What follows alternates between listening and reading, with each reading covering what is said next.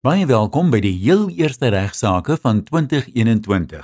Ek is Ian Wessels en ek hoop regtig 2021 behandel jou sommer strate beter as sy voorganger. Kom ons stel sommer dadelik vir Ignas Kleinsmid aan die woord. Môre Ian, goeiemôre luisteraars. Ons is pens en potjies in 2021 en ek hoop van my kant af dat dit vir almal net goedheid en guns gaan bring en baie voorspoed. Luisteraars, almal van u wat dalk besighede gehad het en wat skade gelei het as gevolg van onderbreking van u besigheidsaktiwiteite gedurende die Grendeltyd en wat gedink het u is daarteen verseker en dalk nou 'n situasie is dat u versekeringsmaatskappy weier om te betaal, moet nou maar die ore spits. Omtrent alle versekeraars, ding met die uitsondering het ek gesien van Outsurance het 'n uh, aanspreeklikheid ontken waar polishouers geëis het vir hulle versekeringsdekking as gevolg van besigheidsonderbreking tydens die Grendel tydperk. Daar was al verskeie pogings om duidelikheid te kry in ons howe en in Julie reeds het die finansiële dienste se regulatoriese gesagsliggaam die eh, kruit betree en hulle het 'n uh, opdrag gegee aan versekerings dat hulle behoort te betaal.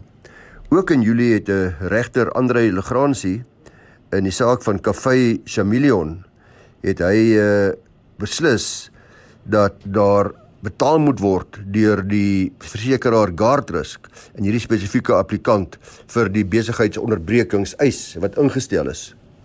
Maar die eh, versekeraars is glad nie oortuig nie. Natuurlik praat ons hier van miljarde rande wat op die spel is.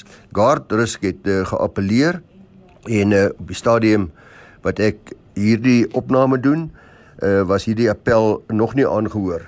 Dit sou gewees het op 23 November in die appelhof hierdie spesifieke appelhof uitspraak sal ek natuurlik ook aan u meedeel sodra ek dit ontvang het.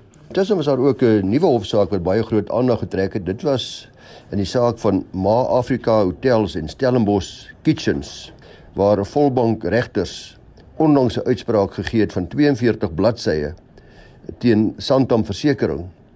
Daar's beslis dat die versekeraar Ma Afrika se eis moet betaal vir die volle tydperk wat die hotelgroep se deure weens die staat van inperking gesluit was omdat uh, daar wel dekking was teen die ontwrigting van die sakebedrywighede weens aansteeklike siektes en dat Santam se interpretasie dus dat hulle nie verantwoordelik is nie foutief is.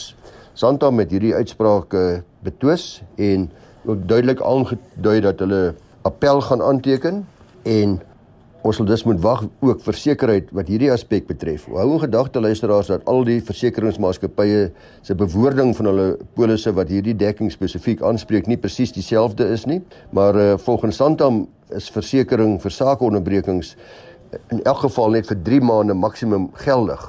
Die hof het beslis dat weens die uitwerking van die inperking en die verwoesting van die pandemie is die tydperk waarvoor inderdaad geëis kan word 18 maande. Nou natuurlik uh, gaan dit 'n baie groot invloed hê uh, op Santam se bedrywighede en so ook talle ander versekeraars se bedrywighede.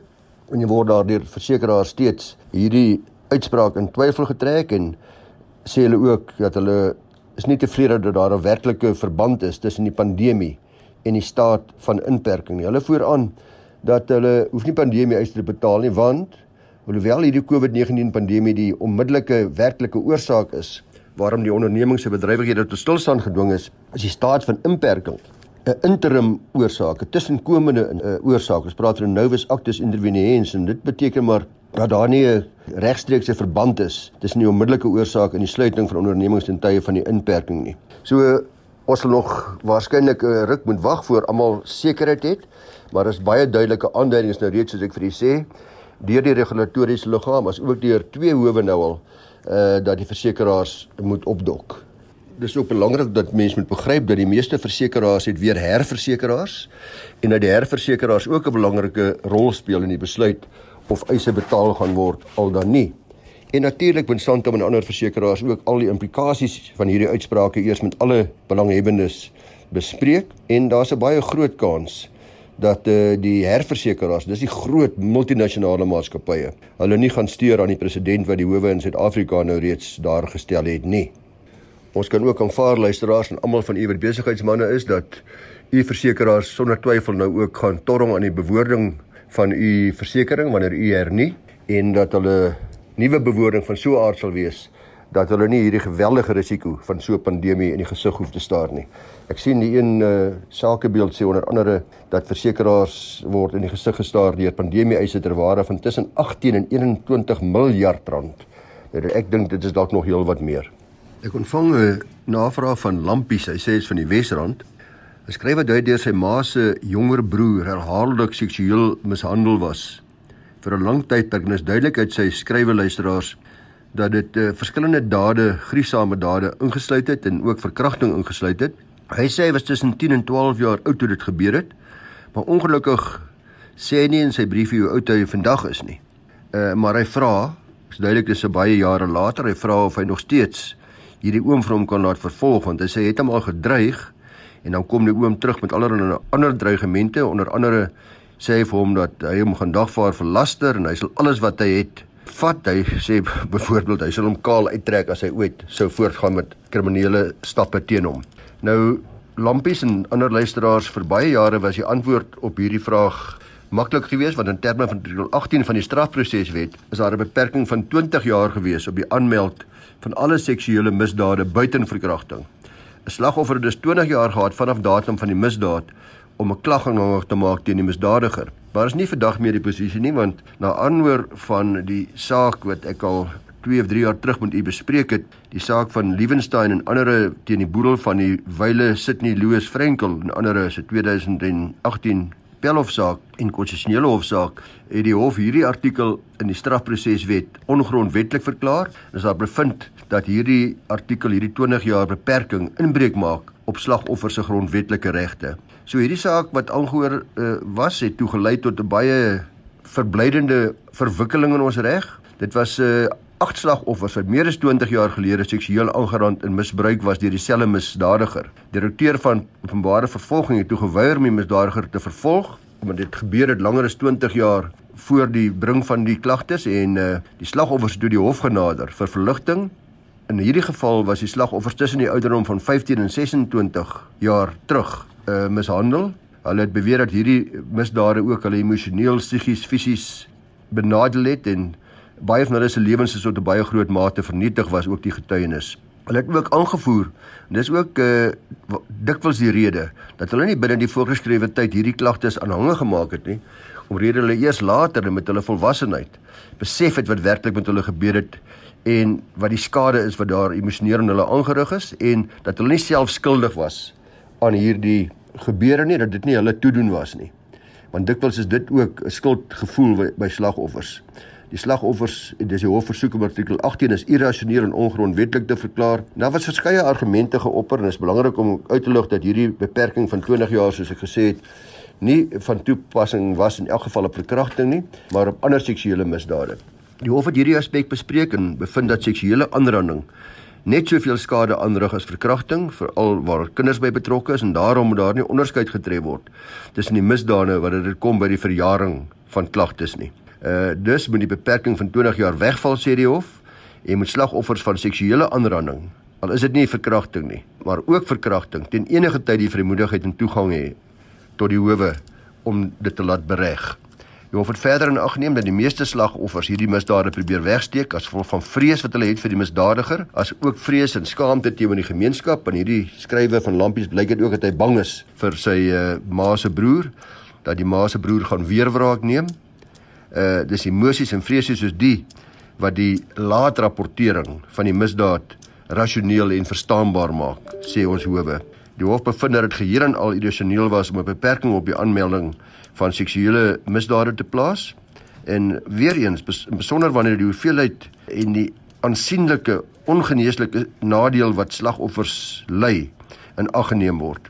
Die hof uh, sê dus dat op hierdie wyse misdadigers wegkom uh met slegte en onaanvaarbare gedrag. So die hof het toe die Hooggeregshof van Johannesburg se beslissing ondersteun, dis die konstitusionele hof en hy uh, het toe die wetgewende gesag 24 maande gegee om die wetgewing uit te brei en te wysig, maar belangrik, Dadelik het die hof ook gesê hierdie beslissing is terugwerkend van aard tot en met 27 April 1994. Dis al slagoffers van seksuele misdaad wat plaasgevind het na 27 April 94. Nou die geleentheid gegee word om die misdaad aan te meld, al het dit dus heelwat langer as meer as 24 jaar gelede plaasgevind. Soos ek sê, ek weet nie wanneer hierdie luisteraars se misdade plaasgevind het nie, maar uh, waarskynlik lei dan ook nou weet dat hy kan voortgaan om klagtes teen sy oom te lê. As jy bietjie sukkel met huismoeles of die tugtiging van oneerbiedige kinders, moet jy luister na die tweede deel van vandag se regsaake. Ek ontvang 'n skrywe vanaf meneer Beaumont. Hy sê hy is geskei en hy skryf 'n bladsy of 3 oor hoe onbillik sy eksvrou is, dat ek nie vir u mee gaan vermoei nie. Want sy groot probleem is egter dat hy toegangsregte het tot sy 14-jarige seun, maar is dit baie duidelik uit uh, sy skrywe dat hierdie seun die egskeiding en die spanning tussen sy natuurlike ma en pa, tussen sy ouers uitbuit en misbruik, byvoorbeeld tydens naweke, dan is hy besonder astrand wanneer hy by hom kuier. Hy weet dat sy pa baie erg gekant is teen rook en dan rook hy voor hom en hy sê dan ook dat sy ma gesê het dat as sy pa sou waag om hom pakslae te gee of net dreig met geweld, hulle anderlingsslags daarop sal lê teen hom en ook sy toegangsregte sal wegvat. Dan vra hy eh, wat is sy regte as geskeide pa ter opsigte van die straf of dissipline wat hy mag toepas ten opsigte van sy seun as die seun astrant is of stout is of dissipline verdien. Nou luisteraars, ek het al voorheen verwys na die grondwet en die onaanvaarbaarheid van lyfstraf En baie van u wat uh, luister is dalk vandag nog steeds van mening dat luisteraf vir kinders die gewenste oplossing is. Ek hoor dikwels van ouers en leerders wat sê dat hulle geen probleem het om aan die skoolhoof of aan 'n onderwyser toestemming te gee om luisteraf toe te dien wanneer dit nodig is vir hulle kinders nie. Maar aan die ander kant daarenteen is daar talle ouers wat baie heftige kant is en enige vorm van fisiese of selfs verbale of emosionele geweld teenoor hulle kinders en daarom sal stappe neem om hulle kinders se grondwetlike regte in hierdie verband af te dwing. Dit lyk my hierdie ma van hierdie seun uh, voel ook so en in hierdie geval sê sy dat daardie oortreding nie net deur 'n derde party so gehanteer sal word met kriminele klagtes nie, maar ook deur die pa van die seun self. Nou daar was 'n baie interessante hofsaak wat om 'n tyd gelede in die Hoër Hof in Pretoria afgespeel het voor regter Jody Kolapen. Ek gaan hier ook nie name noem nie, dis onnodig, ons sal slegs die ouers en die dogter in verleentheid stel, maar die hof moes hier, die regter moes hier haarself plaas in die skoene van 'n ouer of voog om te besluit of 'n pa die grense van dissipline en straf wat hy toegemeet het aan sy 12-jarige dogter oorskry het al dan nie. Die baie kortliks die feite is dat uh, die pa en ma was ook geskei. Die geskeide pa se 12-jarige dogter het aan hom 'n e-pos gestuur waarmee hy glad nie gediend was nie. Ek gaan nie hierdie e-pos vir u lees nie behalwe om te sê dat dit duidelik dat hier 'n geval was uh, van belediging van die pa uh, aanval en jy kry dikwels uh, luisteraars dat tienerkinders veral ook in, soos meneer Boumond se seun dit goed dink om kantetjies teen een van die ouers in die egskeiding. Gewoonlik die ouer wat dan slegs die kontakregte het en dan hulle self dikwels ook aanmatig om baie lelik met daardie ouer te wees, te beledig, aan te val, vloek, skes, eh, swets ensovoorts en dan ook hulle frustrasies met die egskeiding. En baie keer 'n bietjie met aan deur 'n bietjie aanporring van die ander ouer op die uh, persoon wat toegangsregte het uithaal. Ag ek dink sielkundiges sal ons baie lank kan besig hou met die redes hiervoor. En daar is ook in baie gevalle moet ek sê ook regverdiging hiervoor. Maar ek dink die meeste ouers sal hoegenaamd nie gedien wees. Ek beslis nie en ek is seker die meeste luisteraars ook nie met oneerbiedige optrede van hierdie aard nie en as 'n mens nog gelukkig getroud is, dan sal albei ouers natuurlik hulle misnou uitspreek en saam poog om hierdie optrede op 'n of ander wyse te laat beëindig, maar die probleem is, sodra daar egter 'n egskeiding is, dan raak die straftoemeting of dissipline toepassing deur die ouer wat nie fisies elke dag by die kind is nie, baie baie meer problematies. Die pa in hierdie geval wat ek nou met u bespreek was volgens alle aanduidinge 'n welgestelde besigheidsman en die 12-jarige dogtertjie se kosbare besitting was haar geliefde perd, kom ons noem hom maar Beauty. Nou, in aanleiding van hierdie eh, e-pos waarmee die pa nie gelukkig was nie, het hy besluit om die dogter te straf en hy het besluit dat hy die perd gaan laat verwyder van die stalle waar hy die perd aangehou het vir sy dogter en waar sy die perd gereeld besoek het. Die getuienis was dat die dogter natuurlik baie ontsteld was en selfs hysteries geword het toe sy die stalle besoek het en vasgestel het dat haar perd nie meer daar is nie. Sy was dan ook veronderstel om die volgende dag aan 'n perdespring by einkoms kompetisie deel te neem. Die maat op dieselfde dag nog op 'n uiters dringende basis die hof genader met 'n aansoek dat die perd wat die pa 4 jaar terug as 'n geskenk aan die dogter gegee het, onmiddellik deur hom terugbesorg moes word. Nou dit het gedurende hierdie verhoor gebleik dat die advokaat van die pa aangedui het dat die pa heeltemal bereid was om die perd terug te gee, maar op voorwaarde dat die dogter dan haar houding moet verander en ook van haar kant af moet poog om geskille of verskille met haar vader op 'n sinvolle wyse op te los. Die uiteindelike bevel van regter Jody Kolapen was dat die perd 9uur die volgende oggend teruggegee moes word en dat albei ouers saam met die dogter, die minderjarige kind, 'n deskundige kinderraadgewer moes gaan spreek in 'n poging om die gebreeke verhoudings te herbou. Uh, die hof is versigtig luisteraars en ek het ek ook al baie maal gesien om nie die pa te veroordeel vir sy optrede nie en meld dan ook dat alhoewel die aksie dalk onnodig streng was dis nou die verwydering van die perd na onbekende bestemming die hof nie van mening is dat die pa hier in slegte trou opgetree het nie dat dit 'n goeie trou was en die hof sê dan ook dat sy uitspraak moenie gesien word as 'n oorwinning vir die moeder nie want in so 'n saak is daar en dit kan ek 100% met die regter saamstem geen wenners of verloorders nie Nou iets in die algemeen luisteraars miskien net oor egskeidings. Mense vind dikwels dat sommige pare mekaar steeds aanhou tuister, treiter, tart, frustreer na die egskeiding en veroorsaak dikwels weer nuwe emosionele uitbarstings en natuurlik in die meeste gevalle is daar vrede nadat die egskeiding nou, nou eers voldonge feit is. Maar in hierdie geval het dit ook volgens die uitspraak gebleik en, en die hof het dit gesê dat hierdie tipe van geveg beslis nie in 'n hof behoort te eindig nie. En dit is ook aangewakker deur dat die ma vroeër simpel goed soos 'n toebroodjie masjien, 'n fiets.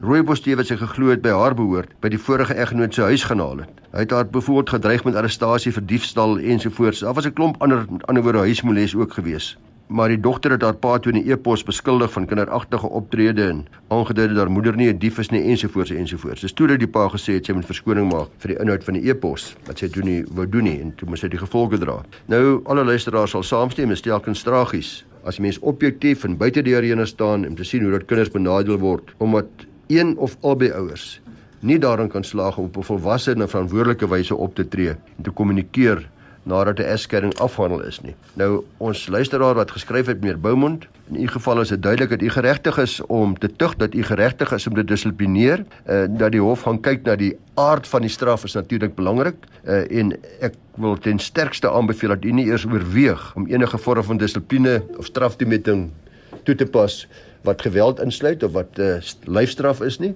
maar dat u aan ander gepaste maniere dink om die seun te dissiplineer. En as jy na hierdie hofsaak gaan kyk wat in uh, hierdie hofsaak van voorregter Jody Kulapen dan is dit duidelik dat die hof begrip gaan hê daarvoor as jy op 'n billike wyse dissipline toepas selfs na 'n egskeiding en terwyl jy toegangsregte uitoefen.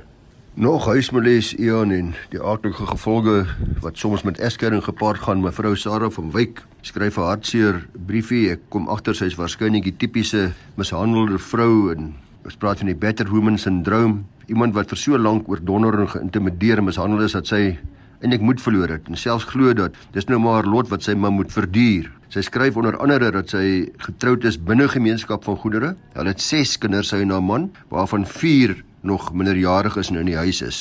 Haar man het nou 'n jong minares, sy praat van die slet. Ek sien dit baie gereeld dat die minaresse het altyd baie lelike name. Sy sê sy is nou deur haar man gedagvaar vir 'n egskeiding en die egskeiding is nou hangende. Hulle enigste werklike bates sê sy is maar die huis waarin hulle albei woon. Die probleem is egter dat uh, ek haal aan wat sy sê, het haar briefie sê vandat hy met die sledie mekaar is, het die mishandeling erger geword. Hy kom feitelik elke dag slingerend en geswaai hier by die huis aan, skree op die kinders, vloek en skel op my, sê onder andere dat ek 'n uh, uh, die H-woord is en dit doen hy voor die kinders en hy ontstel hulle geweldig en dikwels sê sy gaan hierdie vloek en skel en lawaai en dinge ook met geweld gepaard teenoor haar. Gelukkig nie teenoor die kinders nie. Sê verlede week moes sy by die huis bly. Ek neem aan sy kon nie gaan werk nie. Sy moet by die huis bly as gevolg van verskeie kneuswonde aan haar wang en oog, maar haar groot vraag wat sy vra is, hoe kan sy hom uit die huis uit kry? Hangende hierdie egskeiding want dit raak nou ondraaglik. Nou, luisteraars is regtig nie snaaks dat gesinsgeweld erger word. Dat dit geweldig opvlam wanneer partye midde in 'n egskeiding verrigtinge is nie. Maar natuurlik het ek het u al vertel van die wet op gesinsgeweld, dis 'n wet van 100, 116 van 1998 eh, wat regtig baie help om slagoffers van gesinsgeweld te beskerm en dit sluit in seksuele geweld, fisiese geweld, emosionele geweld, verbale uh, geweld, sielkundige mishandeling, alles wat hierdie vrou ook dan duidelik deurgaan. Nou artikel 7 subartikel 1 subartikel C van die wet maak spesifiek daarvoor voorsiening dat die ander party verbied kan word om 'n gedeelde woning te betree indien dit in die beste belang van die partye of van die klaar dan te wees. Ons howe het dan hierna gekyk en dit van tyd tot tyd hierdie bevele oorweeg, maar ook gesê en dis nogal belangrik dat daar baie versigtig met hierdie artikel omgegaan moet word om te kyk dat dit werklik nodig is dat die artikel nie misbruik word deur een van die partye net as deel van die egskeringsgeveg nie en of so bevel dus werklik geregverdig en werklik nodig is. So in ons howe het dit nou al uitgewys dat daar moet byvoorbeeld nadeel wees vir die kinders dat dit moet gekyk word en wat is die ander party se geleentheid, sy vermoë om addisionele verblyf te kry, wat se finansiële hulpbronne is daar betrokke. Die hof moet seker maak dat die ander party verstaan uh, dat 'n uitsettingsbevel oorweeg word dat hy geleentheid kry om homself te rehabiliteer en dat hy regsverteenwoordiging kan kry ensovoorts en veral ook waar daar kinders betrokke is dat hy ook 'n toegangsregte moet kry tot sy kinders op 'n billike manier. So al hierdie goeders word oorweeg deur die hof En belangrik is dus vrou van Wyk dat u kan gesinsgeweld klag gaan lê, maar u het 'n bewyslas om u van te kwyt en natuurlik sal daar gekyk word wanneer 'n beter uitkoms bereik kan word deur die mishandeling op 'n manier te laat staak nie op 'n minder indringende of 'n drastiese wyse. Byvoorbeeld, 'n interdik om die respondent te keer en sê as jy dit weer doen, dan gaan daar nou tronkstraf wees en uh, dis dit geld nou vir beledigings en verbale mishandeling voor die kinders ensovoorts. Maar uh, dis inderdaad moontlik om 'n bevel te kry wat u man kan verhoed om gedeelde woning te betree op die voorwaardes soos wat ek dit ingesit het. Sterkte daarmee. Baie van u is luisteraars net soos ek is 'n oupa of 'n ouma en julle weet sekerlik hoe lief ons as grootouers is vir ons kleinkinders. Dis een van daai liefdes en omgee wat eintlik onbeskryflik groot is. Natuurlik is talle regters ook oupas of oumas en ek glo nie enige ouer dink enigstens daaraan om eendag by hulle kinders te erf nie. Dit is die laaste ding wat 'n mens wil hê. Ek glo nog minder dat die idee by jou kleinkinders te erf by enige oupa of ouma enigstens al gedink word. Nou vandag bespreek ek 'n baie onlangse baanbreker beslissing van die Gautengse Hooggeregshof waarna bevind is dat 'n grootouer tot uitsluiting van die biologiese pa van haar vooroorlede kleinkind kan erf. Alhoewel die uitspraak op die stadium toe ek uh, hierdie opname maak nog nie beskikbaar is nie, skryf Tanya Broughton van Ground Up oor regter Kolapen se benadering tot die interpretasie van die term ouer in hierdie boedelde spiet waar daar ongeveer 15 miljoen rand op die spel was. Daar's ook talle ander media wat oor hierdie hofsaak berig het. Mopilo is cerebraal gestrem gebore omdat die personeel van 'n Gautengse staatshospitaal nalatig was en daar's later toe 'n eis ingestel vir 21 miljoen rand skadevergoeding. Drie mense het nou aanspraak gemaak op hierdie erflating nadat hierdie seun op 5 jarige ouderdom oorlede was. Dit was eerstens die drie mense was sy ouers wat nooit getroud was of saamgewoon het, dis nou sy natuurlike ma en pa en sy ouma aan moederskant. Die eksekuteur van Mepilo se boedel het die hof toe nou gevra om te bepaal nou wie nou eintlik geregtig is op die 15 miljoen rand wat nog oor was in hierdie boedel van die jong afgestorwene. Regter Jody het in onlangs in November uitspraak gegee in die Gautengse Hooggeregshof en gesê dat Mapilo by sy ouma Tembesilo Deniso gewoon het tot by sy dood. Sy pa, Tabo Motahung, het nooit bygedra om hom groot te maak nie. Die minderjarige se ma, Nompo Melelo, het aan depressie gely en was ook ongelukkig nie in staat om die onverdeelde aandag wat haar seun inderdaad nodig gehad het aan hom te bied nie en het die seun se pa effektiewelik geen rol in die seun se lewe gespeel nie. Dit is dus die ouma en moederskant wat deurentyd ingetree het om vanaf die seun se geboorte voltyds na hom te kyk. Net sy ook haar werk as haarkapper vir hierdie doeleindes verlaat. Sy het haar kleinseun wat nie self eers kon sit nie, nie homself kon voer nie en boonop baie swak siende was, met konstante ouma liefde, aandag en sorg voorsien. Die ouma is 'n opofferings en onder onselfsugtige optrede om haar behoeftige kleinseun daagliks met liefde, aandag en ondersteuning te oorlaai het 'n sterk kontras gestaan met die biologiese pa se optrede of sy totale versuim om enigsins sy kind by te staan. Regter Jody Kolapen was dus in hierdie saak luisteraars gekonfronteer met die vraagstuk of die definisie van ouer vir die doeleindes van die wet op intestate erfopvolging slegs 'n kwessie van bloed is en biologies van aard is alternatiefelik of hy ook oorweging kan skenk die hof of moet skenk aan wat dit werklik behels om in ons reg wat gebaseer is natuurlik op die waardes soos vervat in ons grondwet as 'n ouer geklassifiseer te word. Hoewel biologiese ouerskap die beginpunt van ouerskap is, strek die rol en plek van 'n ouer na geboorte baie verder as net biologie. Die rol en plek van die natuurlike ouerskap en bloedverwantskap is beperk. Die primêre fokus moet die verhouding wees tussen die kind en die ouer of dan die persoon wat in die plek van die ouer die ware ouerrol vervul. Die biologiese pa se argument was dat die Suid-Afrikaanse intestate erfreg dit baie duidelik maak dat slegs 'n ouer kan erf en dat dit dus bloot gaan om die kwessie van bloed en biologiese verwantskap. Die hof was egter van mening dat dit onhoudbaar is om te bevind dat 'n verwysing na 'n ouer in terme van die wet beperk moet word tot die biologiese of natuurlike ouer. Die hof sê ook dat hierdie bevinding sou direk teenstrydig wees met dit wat inderdaad bedoel was om 'n ouer te wees en dit sal lei tot absurde resultate. Byvoorbeeld, dat 'n totaal afwesige buiteegtelike pa wat niks van die kind wou weet nie, nou kan erf. Dit word veral waar in aggenome dan ook ons grondwet en ons kinderwet wat juis poog om die behandeling van kinders oor die algemeen en kinders met gestremdhede spesifiek in ons samelewing te bevorder. So regter Kulapen was se mening dat die ouma verdien om ook as 'n ouer gesien te word en het vermelde dan gelei tot die hof se slotsom dat die ma wel in die kind belang gestel het maar kwai aan depressie ly dat die ma en die ouma die boedel in gelyke dele moet erf en dat die pa geen rand erf nie. Dis al vir vandag. Sluit gerus volgende maandag 11:30 weer aan vir regsaake by my en Wessels en Ignas Kleinsmid. Mooi loop tot dan.